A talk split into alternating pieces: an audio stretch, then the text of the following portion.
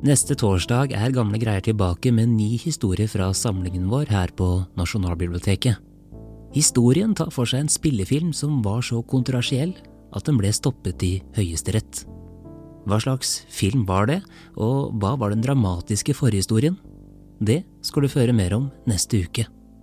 Nå skal du føre et foredrag fra en av våre andre podkaster, NB Arrangement, om året 1905. I denne episoden formidler Tor Boman Larsen hele historien om hva som skjedde. Gamle greier er tilbake igjen neste torsdag. På gjenhør.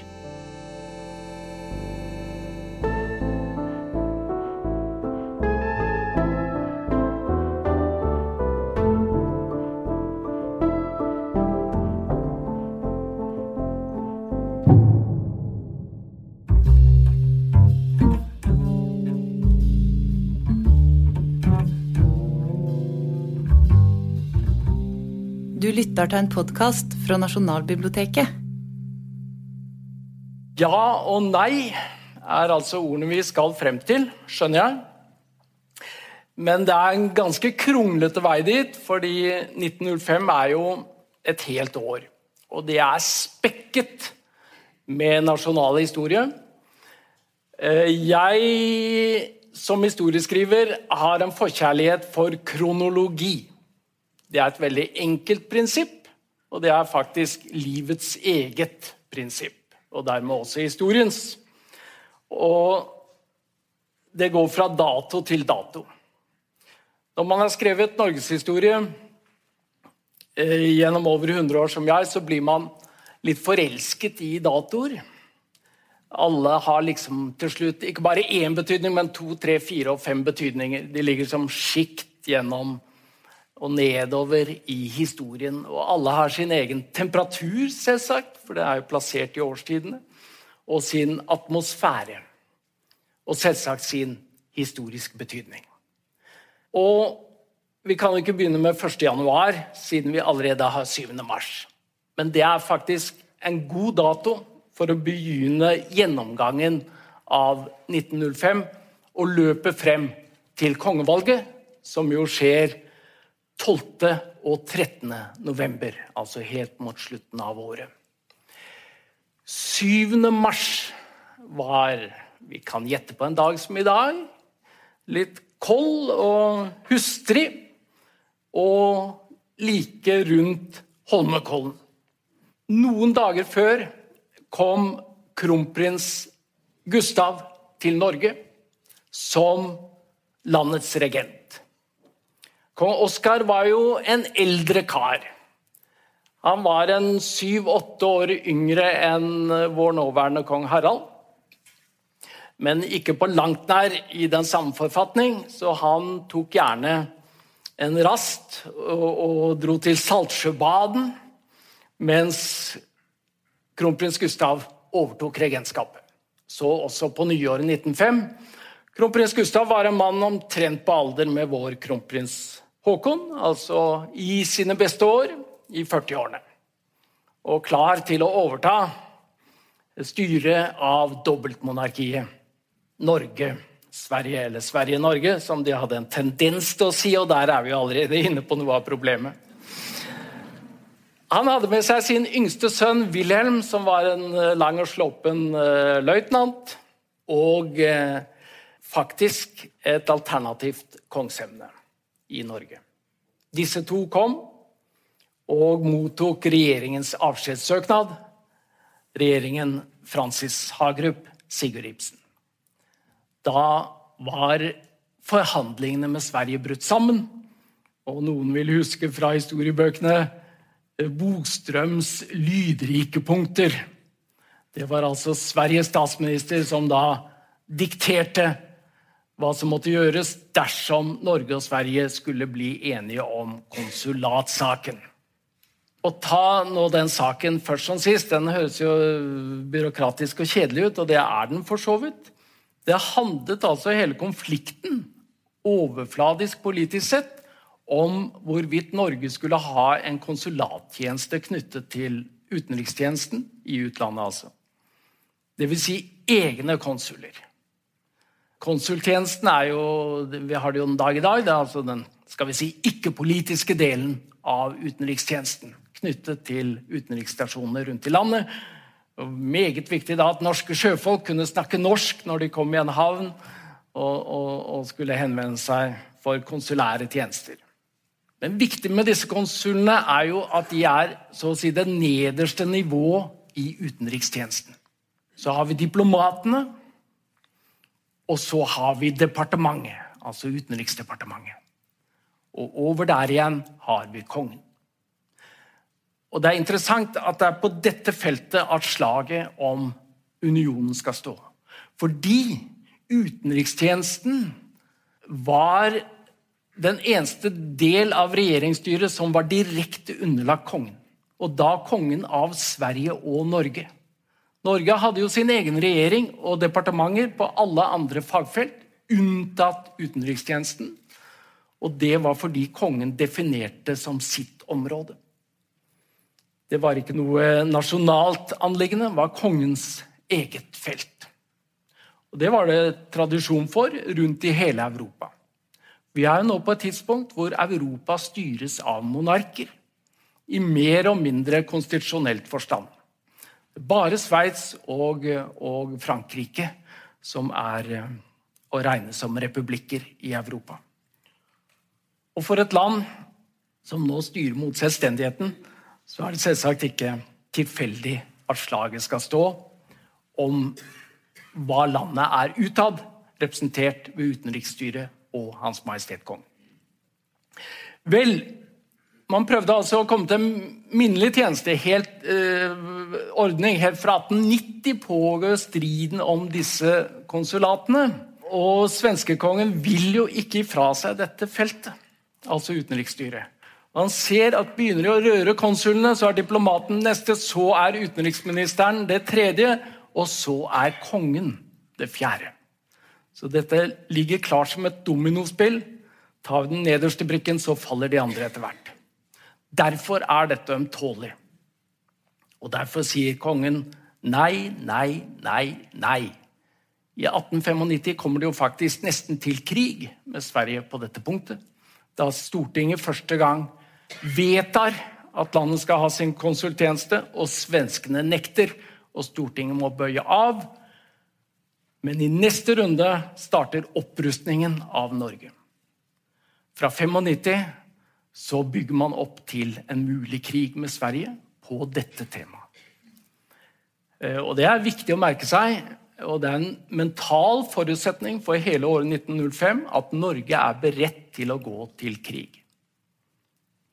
Eh, det er jo noe man nesten ikke snakker høyt om engang. Fordi det er så uhørt at et land vil ta krigen eh, som et, et, middel, delmiddel, for å oppnå et politisk mål. Men det er altså et relativt sett militært sterkt Norge som går inn i år 1905. Men man forsøker å forhandle. Svenskene bryter forhandlingene med Norge, eller Norge med Sverige, for den saks skyld, fordi man kan ikke godta de svenske betingelsene. Og så ligger regjeringen i et uføre med sin forhandlingslinje og vet ikke sin arme råd. Kronprinsen kommer hit, og det er jo kongens plikt, regentens plikt, å sørge for at landet har en regjering. Og i mars 1905 fantes det et politisk alternativ til Francis Hagerup. Det var Christian Michelsen. Og den syvende, det er i dag, mars blir Christian Michelsen kalt til Slottet. Og får i oppdrag å sondere muligheten for å danne et ministerium.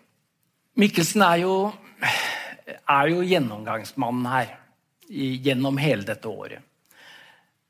Han er ingen politisk tenker, så langt derifra. Han er en politisk praktiker, skipsreder, som vi vet, jurist av utdannelse, men ingen rettslærd som Francis Hagerup som var professor i juss, eller Sigurd Ibsen også. Rettslærd fra universitetet i Roma. Disse ligger jo på en forhandlingsstrategi. Mikkelsen er, driver skipsrederjuss. Han er forretningsmann. Eh, så når han nå utpekes, så er det fordi det skal handles og ikke forhandles. Men det skjer noe annet utenfor regjeringskontorene i forkant. For det første, Stortinget har laget en felleskomité for å løse saken.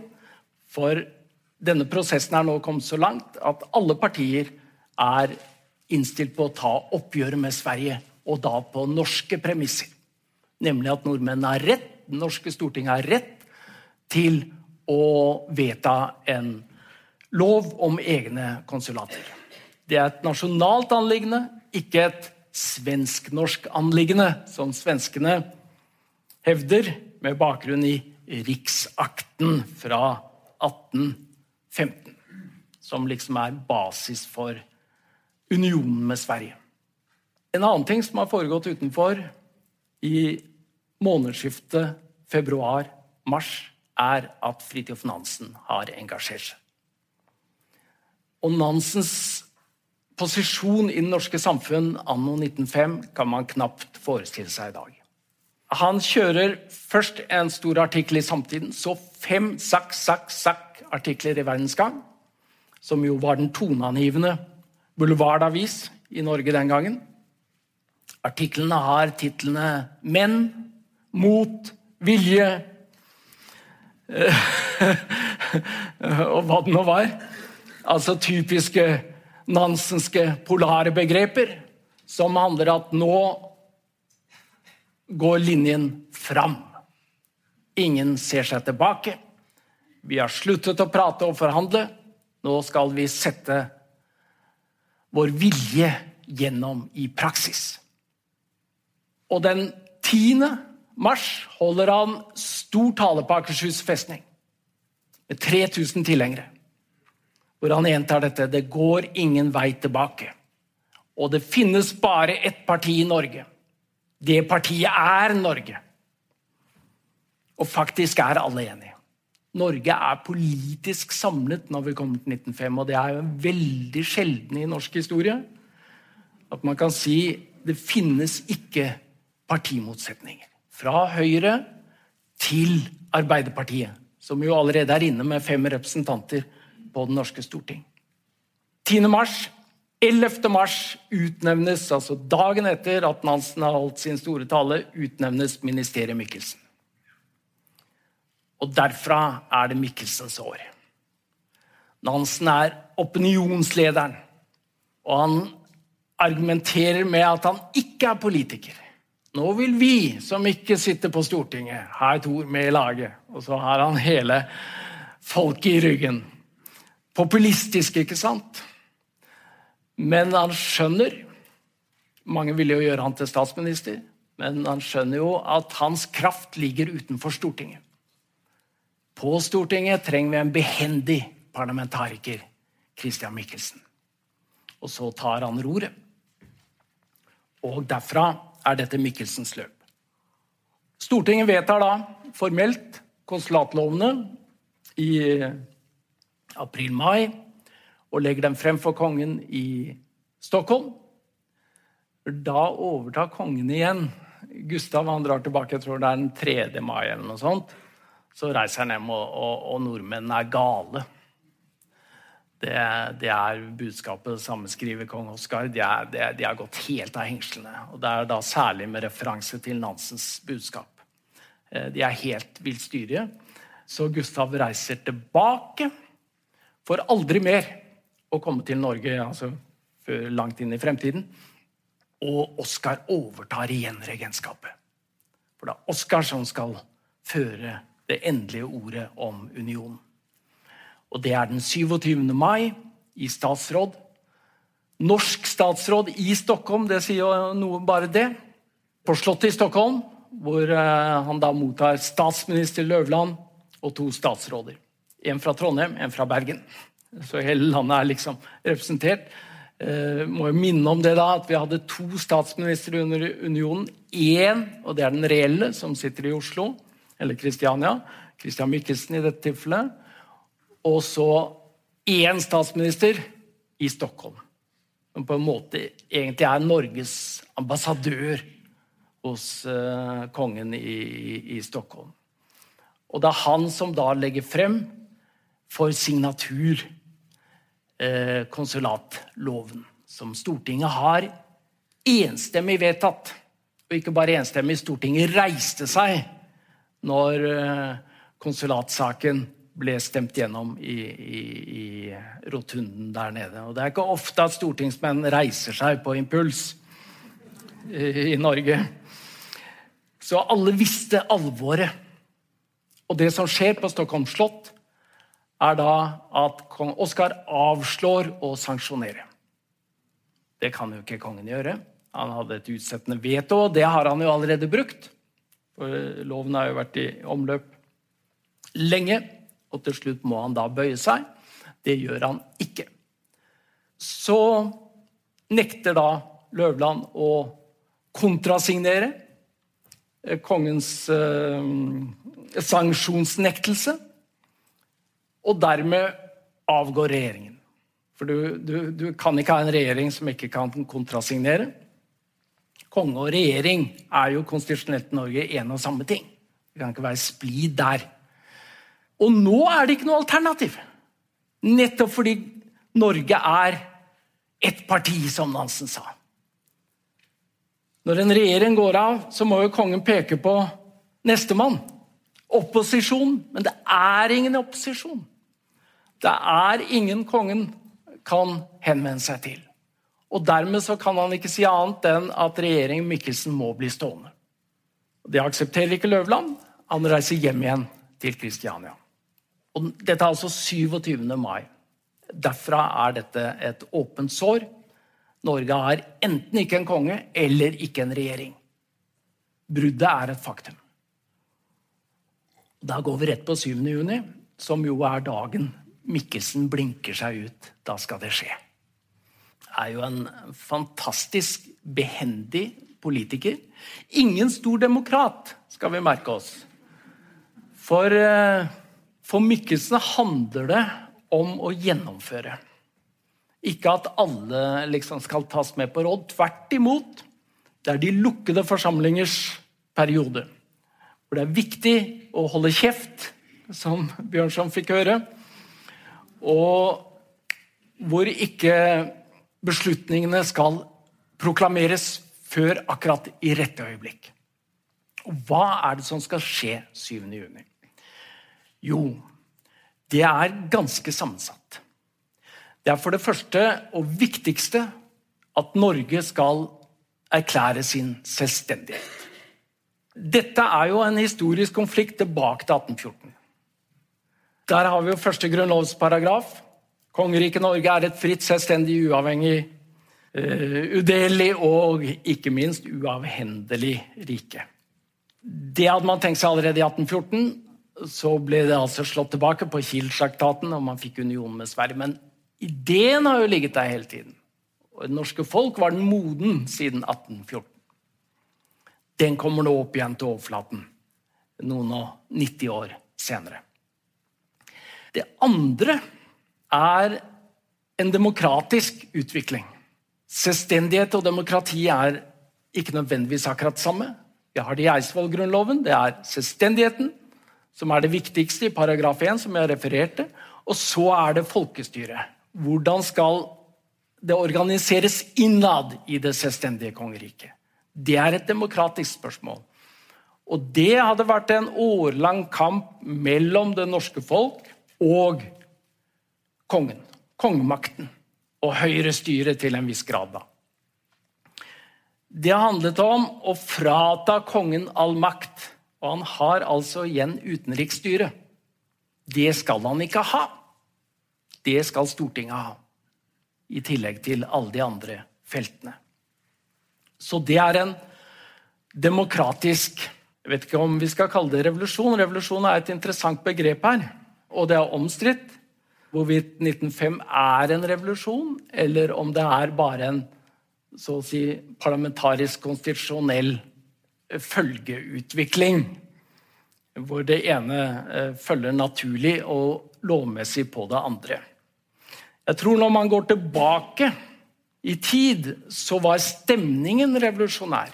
Altså, det var stemning for brudd, for politisk omveltning og total endring. Eh, både overfor Sverige og overfor kongemakten.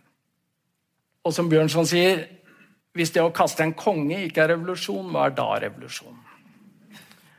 For det, det, vi glemmer, og som Mikkelsen og co. heller ikke la noe vekt på, er jo at kongen er grunnlovsfestet.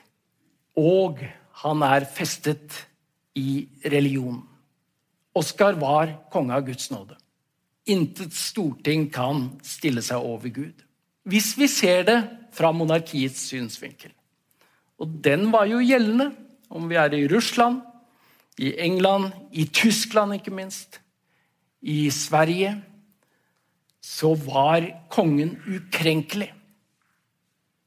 Han styrte i kraft av seg selv og eh, Guds nåde.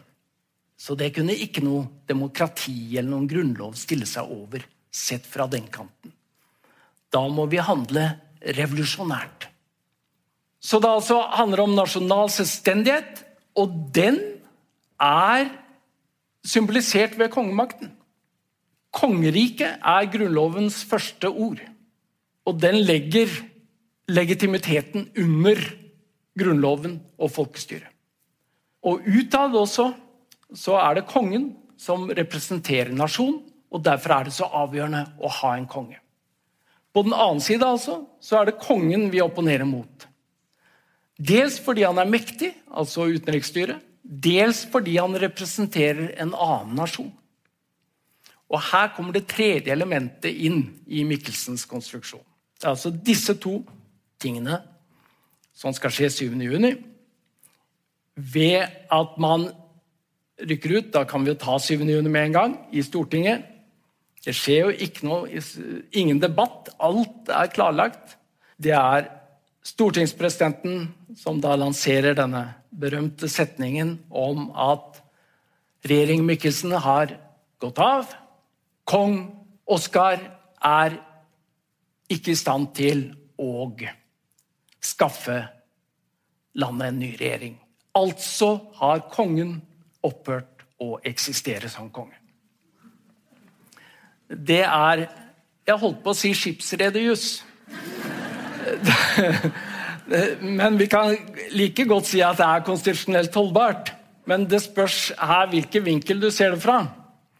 For kong Oskar, som selvsagt straks avslår hele kabalen, sier at uh, han er grunnlovsfestet like mye som det norske Stortinget er. Faktisk enda mer, i og med at han kommer før inn i, i paragrafrekken. Nå kan han ikke utpeke en regjering, men kongemakten er jo fra evighet og til evighet. Den har jo vært i Norge siden 872 eller noe sånt, der vi regner. Harald Hårfagre. Det er ikke en situasjonsbestemt tilstand. Det er selve Norge. Så når Mikkelsen sier at ja, nå kan han ikke det, eller eh, stortingspresident Berner Dermed å lede ut at det at, at kongen faller, det, det er eh, Stortingets synsvinkel. Så er det tredje elementet, og som er Mikkelsen på sitt slueste og sleipeste. Og på en måte også sitt mest kortsiktige. Fordi disse to elementene jeg nevnte nå, som er, danner 7. juni-erklæringen, får enstemmig tilslutning i Stortinget. Alle er enig. Kongen er avsatt fordi han ikke kan eh, stable en regjering på beina. Altså fungerer han ikke. Han sitter da ute på Djurgården Eh, kong Oskar han, Nå har jo riktignok norske regjeringen eh, sperret jernbanelinjen i løpet av natta og kuttet telegrafen. Så, så, så det har ikke noe behov for noe mer prat. Og jeg kaller det revolusjonære handlinger. Eh, men det passer veldig bra inn i løpet. Men så kommer det tredje sleipetrekk. Det er det som er blitt kjent som Bernadotte-tilbudet. Og som Mikkelsen setter sin stilling inn på. Han har da tatt Stortinget for seg eh, tror det er kvelden før. Ja. Og sagt hvis dere ikke er med på dette, så blir det ikke noe. Da vil ikke jeg kjøre 7. juni-erklæringen. Jeg vil nemlig at idet vi har avsatt kongen, så tilbyr vi kongen å utpeke en av sitt eget hus til ny monark i Norge.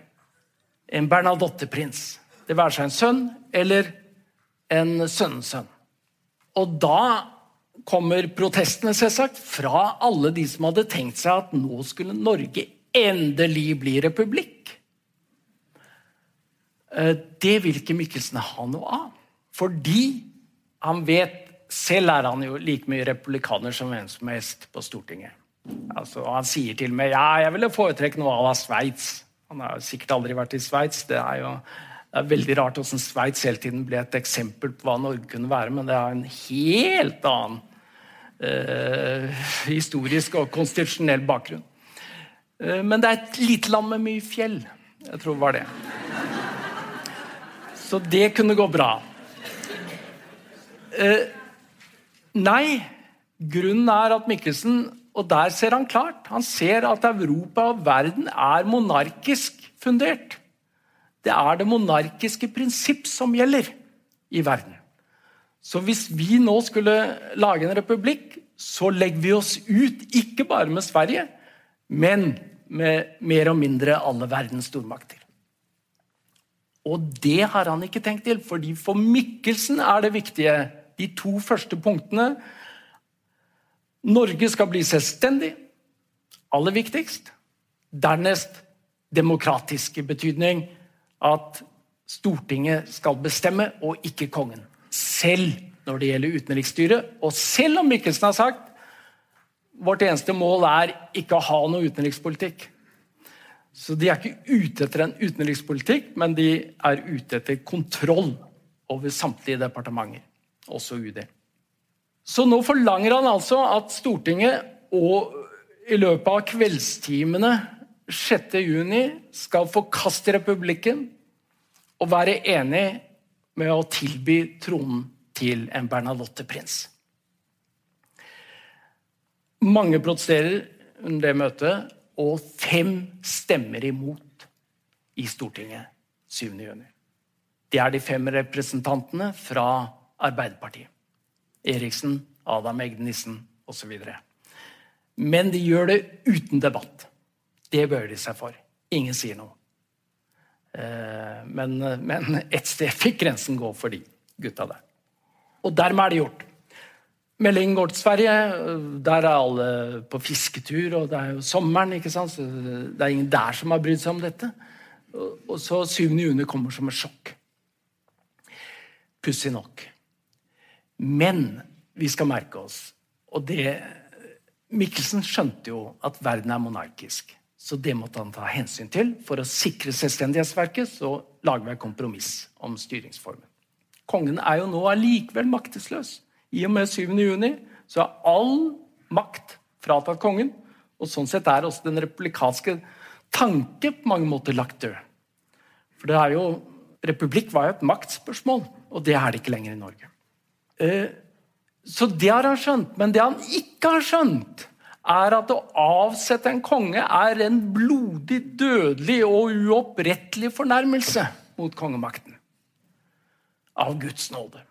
Og ikke bare mot Oskar, men mot Wilhelm og, og tsaren og hvem det er, alle sammen. Ingen kan akseptere en slik krenkelse av det monarkiske prinsipp at en nasjonalforsamling avsetter en monark. Og alle som hadde den minste peiling på utenrikspolitikk, og det var det ingen i Norge som hadde.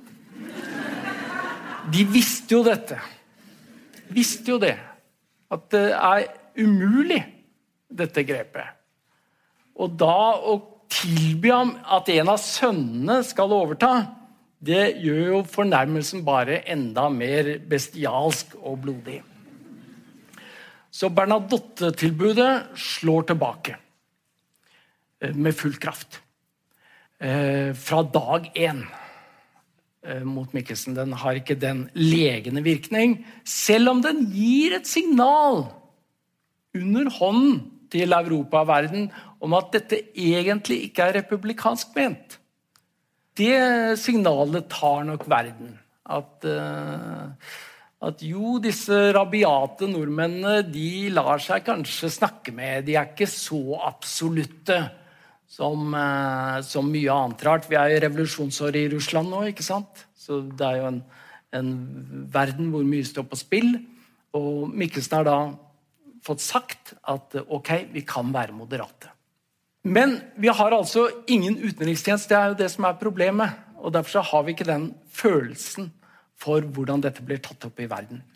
Den som prøver å løse dette da, fordi 7. juni er jo da gjennomført i Norge.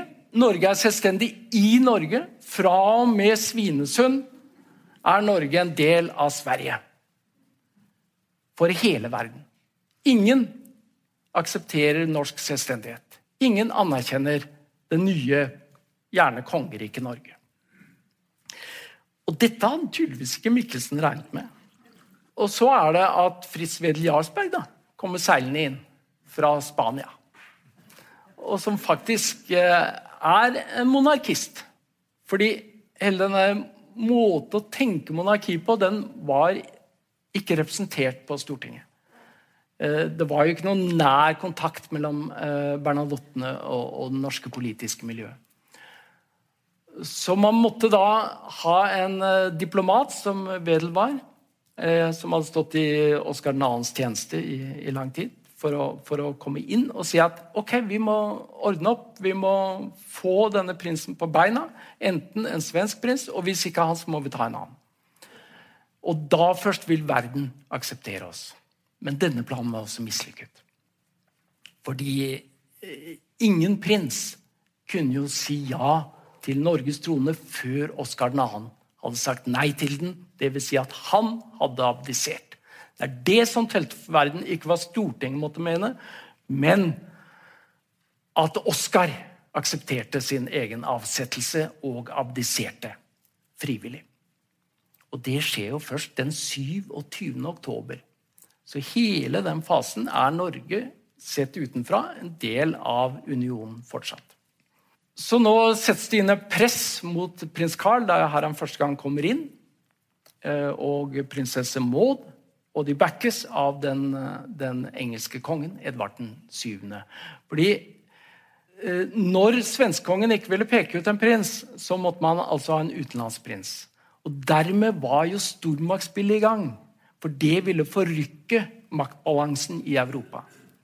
En som kunne ha skåret gjennom der, var en Bernadotte-prins, for, for, det hadde vi fra før. En Bernadotte-konge. Og, og, med nyen så ville balansen være den samme i forhold til Tyskland, England, Russland. Så det hadde løst problemet. Og hadde Mikkelsen og co. tenkt litt rundt, så hadde de begynt med Bernadotte-spørsmålet, og så tatt 7. juni. For det lå egentlig i korten. Og det svenske kongehuset var heller ikke fremmed for tanken, og Sigurd Ibsen hadde lansert den allerede i 98 under overskriften 'Det nasjonale kongedømmet'. Det enkleste for Norge er å ta en svensk prins. Og så lenge vi har vår egen prins, spiller ingen rolle hvilket land han måtte komme fra. Men det toget har da gått idet kong Oskar avsettes og Bernadotte-huset fornærmes. Så samles den svenske riksdagen på slutten av sommeren. Det er vel sånn Ja, slutten av juli. Og da er fornærmelsen og nasjonalismen i Sverige blitt så sterk at de bevilger 100 millioner til opprustning i Riksdagen. Norge har allerede tatt opp et statslån på 40 000 i mai. Nei, på, på 40 millioner, mener jeg. Eh, og samtidig retter de et fornærmelsens motangrep mot Det norske storting. De forlanger at 7. juni-erklæringen skal annulleres. Eller gjøres til gjenstand for en folkeavstemning. Det er jo en underkjennelse av et enstemmig norsk storting. Vi aksepterer ikke det. Vi vil eh, ha hele folket til urnene. En blodig fornærmelse eh, som trenger inn i et annet lands selvstyre. Og Her ser vi da Mikkelsen på sitt eh, glupeste. Han har hørt rykter om dette fra Sverige, hva som er på gang, og bestemmer dagen før at Norge vil ha en folkeavstemning. Og vi har et enstemmig stortingsvedtak. Nei da, vi trenger en folkeavstemning, sier Mikkelsen. Og alle skjønner smartnessen. Dagen etter, når riksdagen kommer med det samme forlangende som selvsagt ikke noe norsk storting kunne akseptert som diktat utenfra, men som beslutning innenfra fra landets egen statsminister, helt i orden. Og Dermed får vi det første ja- og nei-spørsmålet i 1905. Dette er altså ca. 1. august. 13. august så holdes folkeavstemningen. Og den er sånn, og det er Mikkelsen som dikterer Er jeg enig i Stortingets vedtak av 7. juni? Ja eller nei? Så liksom Ja, hele Stortinget var enig. Er dere også enig? Uh, og det norske folk går til urnene, og alle stemmer ja. Uh, unntatt 184 personer. De ble lynsjet. alle visste hvem de var. Det er jo vanvittig stemmetall, ikke sant? Det er altså 99,9. Eh, og dette hadde en effekt. Fordi det viste jo Ok, et, en rabiat nasjonalforsamling, det er nå én ting. Men et 100% enstemmig folk, det er det ikke håp for. Det får gå sin egen vei. Det skjønte til og med svenskene. Og derfor går det ikke mange dagene før følingene kommer om at ja, vi må forhandle. Det er ingen vei tilbake. Og så får vi forhandlingene i Karlstad, eh, som vi kjenner. Og som eh, jeg har kalt i min bok om dette, kaller jeg det 'Republikken i Karlstad'. Fordi dette skjer jo. For det første, for å føre de forhandlingene så må svenskene gjøre én ting, nemlig godta at Mikkelsen forhandler. Og i det øyeblikk så har de jo egentlig anerkjent Norge som en selvstendig politisk enhet. Mikkelsen drar til Karlstad sammen med Løvland og et par til og setter seg til forhandlingsbordet. Og de blir enige med svenskene. River disse eh, festningene og alt det der. Sånn sett sagt eh, helt utmerket eh, avtale med en nøytralitetssone osv. osv. Men dette skjer jo med Mikkelsen i førersetet. Uten at Norge har hatt noe kronet hode på sin side. Så at Karlstad er et absolutt tilbakeslag for Norge som et fremtidig monarki. Vi klarte oss uten. Det er jo her slaget står. da. Det som ikke ble en krig, det ble en runde ved forhandlingsbordet som ender med enighet. Riktignok må man bite et og annet i seg. Det må man jo i forhandlinger. Men Stortinget godtar forhandlingsresultatet, og da er vi eh, gått inn i oktober. Det er vel omtrent 20. oktober eller noe sånt. nå. At, eh, at Stortinget voterer over Karlstad. Og dermed er egentlig unionen i realiteten oppløst. Vi er blitt enige med svenskene. Da gjenstår det bare én ting, og det er forfatningen. Hva skal Norge være, da? Vi har jo ikke noe statsoverhode lenger. Landet er jo et monarki. Fra Stortinget, fra Grunnloven av. Eh, og Mikkelsen har nå regjert som landets statsoverhode i kongens sted like lenge som Christian Fredrik var Norges konge i 1814. Det er en tre måneders tid og sånt noe. Og det har fungert bra. Og mm, de eh, skjønner jo at uh, det er ikke så lett nå å skulle hente inn en konge. For vitsen med å hente prins Carl, sånn som Frisvel Jarlsberg ville, fra, fra, Danmark, var jo at han skulle fronte forhandlingene og på en måte løfte Norge opp på et selvstendig nivå, som en hvilken som helst annen nasjon allerede under forhandlingene og gi dem tyngde og trøkk. Trengtes ikke. gikk greit uten. Eh, og hva skal vi da med en konge, når vi klarte oss selv? Ja, det er et godt spørsmål. Og Mikkelsen har satt seg fore Han vil ikke være president. Nansen vil ikke være president. Ingen har noe lyst på den jobben. Tvert imot. De husker det budskapet fra våren at verden er monarkistisk. Så hvordan vil det nå gå med denne nye selvstendige staten Norge hvis vi skal fronte republikken sammen med den evige republikk Sveits? Tilbake til Wilhelm Tell, ikke sant?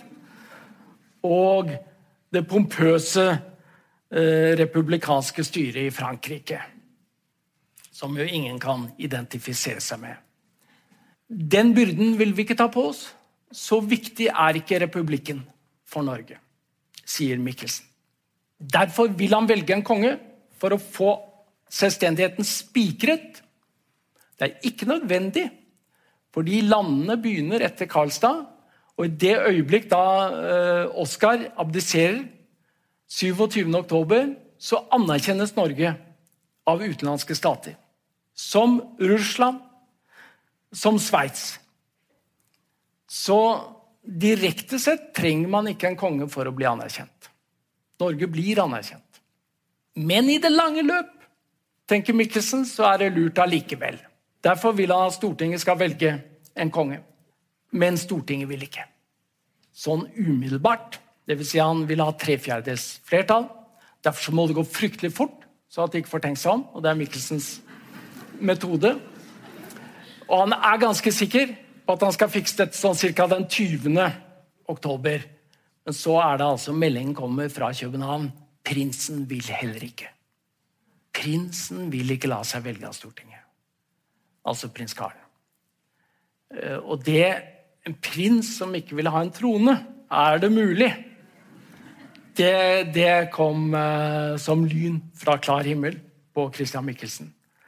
Og samtidig er det jo replikanske stemmer i Norge, som har vært her hele tiden, og som nå gjør seg gjeldende, ikke minst etter Karlstad. Nei, vi trenger ingen konge, og skal vi ha en konge, så må vi i alle fall velge ham. Eh, og dette snapper jo prins Karl opp nede i København. Ok, det finnes en replikansk eh, minoritet eller opposisjon. Eh, skal jeg velges på tvers av den? Er det noen god idé? Nei. Så her finner prinsen og republikanerne sammen i et felles behov for folkeavstemning. Og en siste desperat manøver da, for ikke å få mer kluss. Fordi altså skal vi nå endre forfatningen, så må vi ha et nytt 1814. Da må hele Grunnloven legges om. Ikke bare det de allerede har gjort, nemlig skru den tilbake til 17. mai eh, 1814, men, men det er 50 paragrafer om kongemakten i Grunnloven. Eh, det er eh, integrert i hele statsstyret. Selv om det langt vei også er på det symbolske plan. Og Er det noe Mikkelsen ikke er interessert i, så er det en ny grunnlov og et nytt 1814. Og en ny forfatningsdebatt. Han ville ha selvstendigheten og korteste vei. Og Derfor sender han Fridtjof Nansen til København for å ta kvelertak på prinsen. Og Nansen hiver seg på. Han er jo også en handlingsmann. Og, og møter da en sen kveld nede i Amaliegade prins Carl, denne 33-årige sjømannen, som ikke er noen dyktig sjømann heller, det har jeg gjort et stort nummer av i mine bøker. Han tar jo tolv år før han avanserer til, fra løytnant til kaptein. Og kaptein blir han altså først høsten 1905. Eh, men han har altså satt seg fore at Stortinget er ikke noe godt fundament for en ny kongemakt. Hva har nemlig Stortinget gjort 7.6? Avsatt en konge, kasta han på huet ut av landet. Uh, og nå skal de liksom innsette en ny. Ikke engang enstemmig. Og hvor lenge sitter Stortinget? tre år. Og hva stemmer neste storting?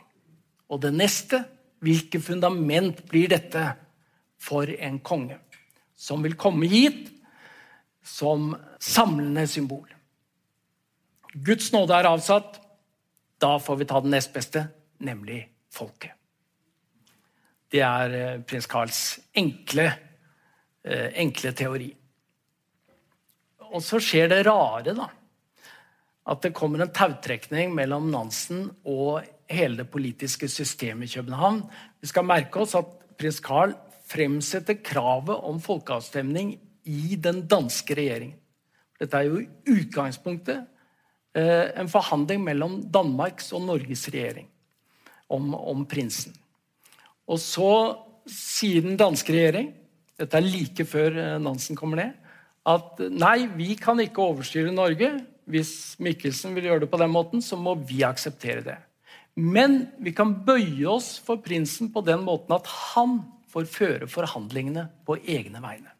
Og Dermed sitter prins Karl, 33-åringen, med hele ansvaret for denne ideen om folkeavstemning på sine skuldre.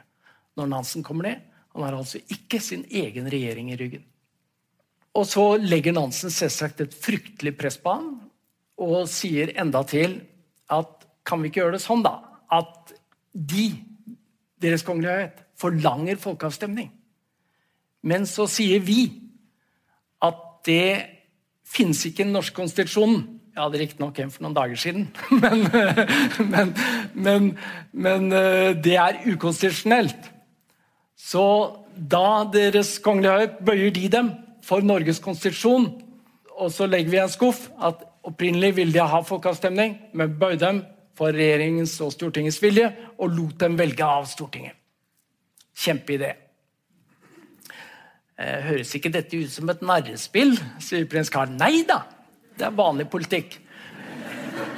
Eh, sov på det, sier han til prinsen. Og så telegraferer han til Mikkelsen denne smarte ideen, som er Nansens egen. Eh, ja, jeg tror jeg skal få til dette, sier Nansen. Han kunne kanskje fått det. Så sier Mikkelsen, la meg sove på det. Fordi nå skjønner jo Mikkelsen at én ting er å overkjøre republikanerne og overkjøre prinsen som eh, demokrater, hver på sin måte.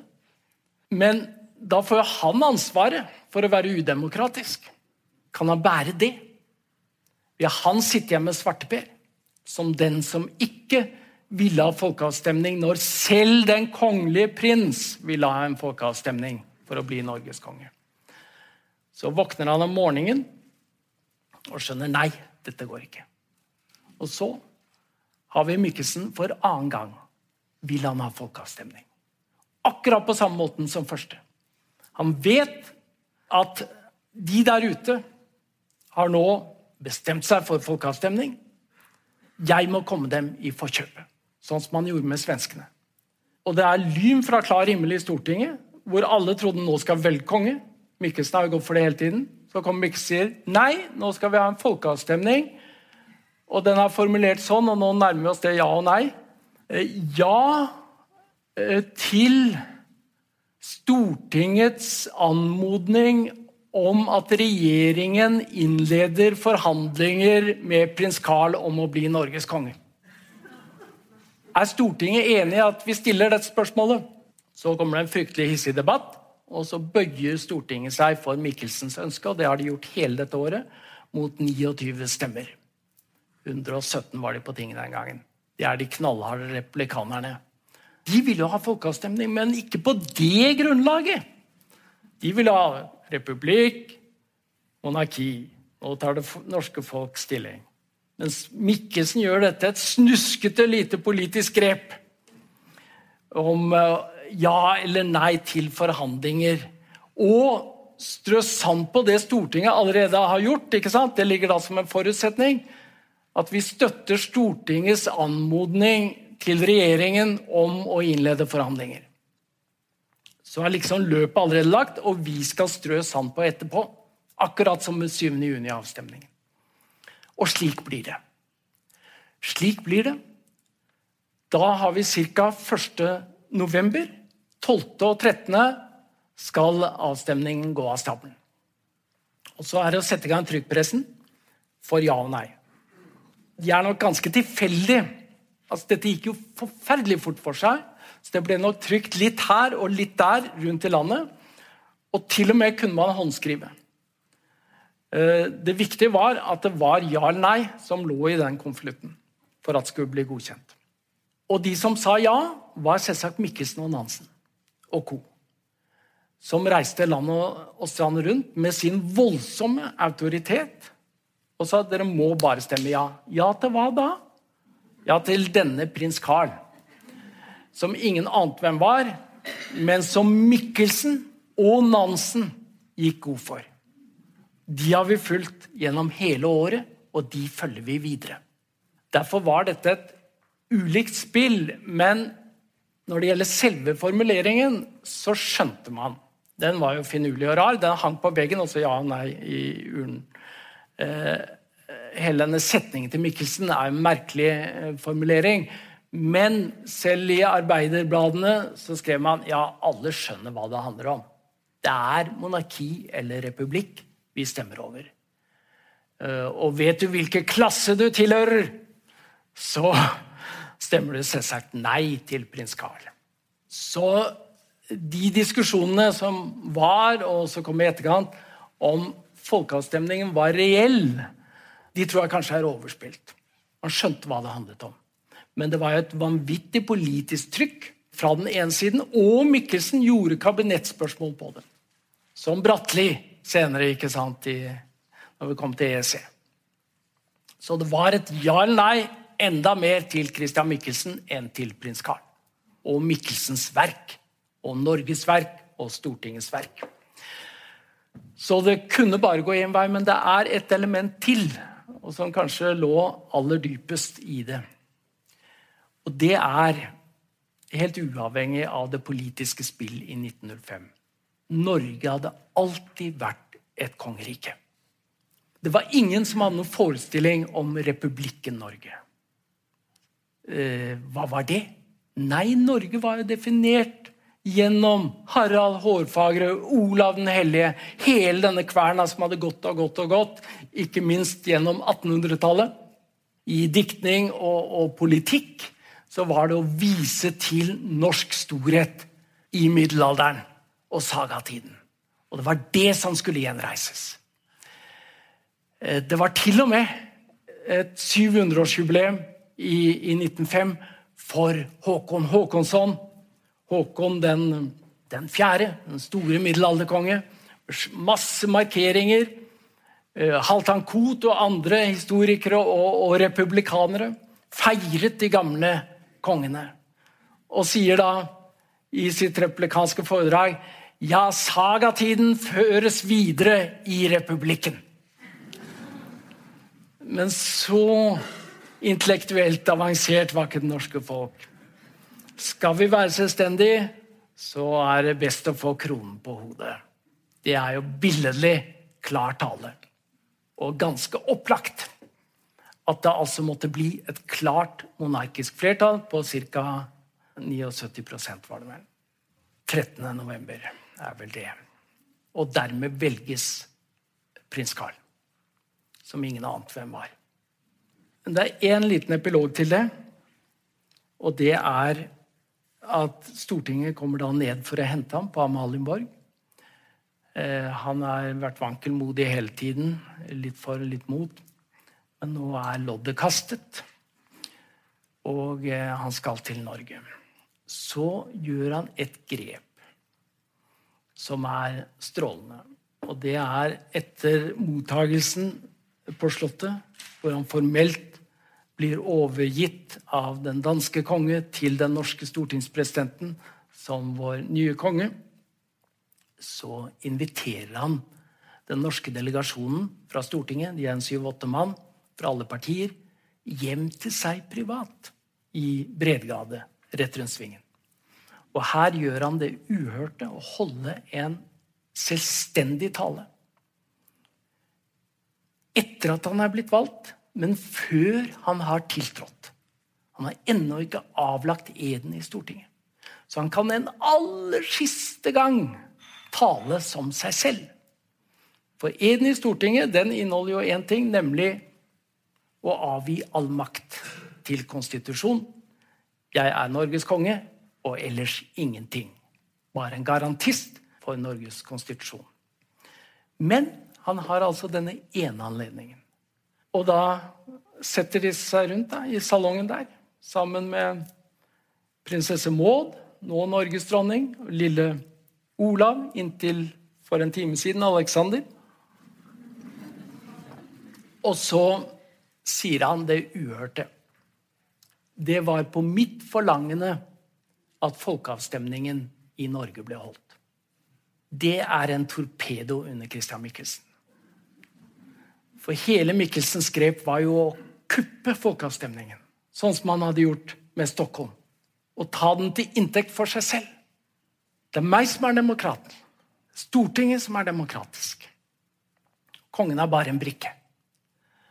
Men dermed hadde jo prins Karl mistet fundamentet for å bli Norges konge.